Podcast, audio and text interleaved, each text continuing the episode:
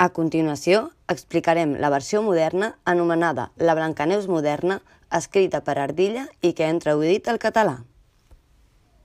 Hi havia una vegada una dona bonica i independent que vivia en un pis aquí a prop, que sempre estava amb un somriure i que tenia una mirada molt lluminosa. Un cabell negre, rissat i una pell blanca com la neu. I d'aquí el seu nom, Blancaneus. La Blancaneus era una persona molt feliç amb el que tenia, un treball i una vida social molt activa. Era senzilla, amb les seves manies i les seves rutines, i li agradava menjar de tot. Es passava el dia cantant.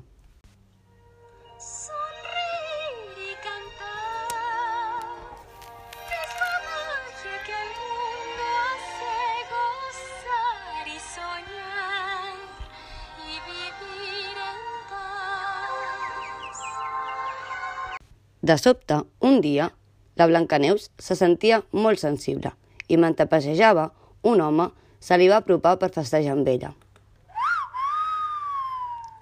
A la Blancaneus no li venia de gust i li va dir que no, amablement a l'home, però aquest es va enfadar molt al ser rebutjat i va començar a dir-li coses lletges. Estàs grassa, ets lletja, no volia res amb tu, no et pensis que ets la més guapa. I la Blancaneus li va dir, quin dret tens per dir-me aquestes coses i faltar-me el respecte d'aquesta manera? Cap! Què passa? Que no acceptes un no com a resposta? I així, la Blancaneus va marxar.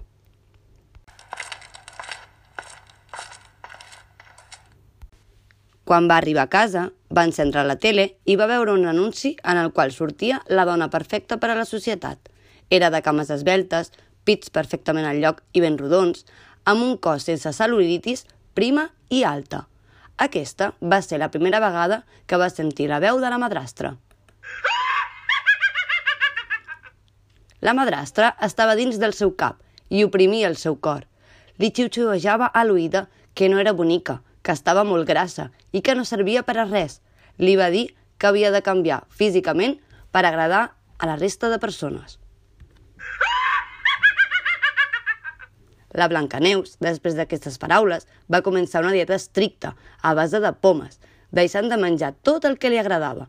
Fins i tot va deixar de cantar, és a dir, la seva felicitat.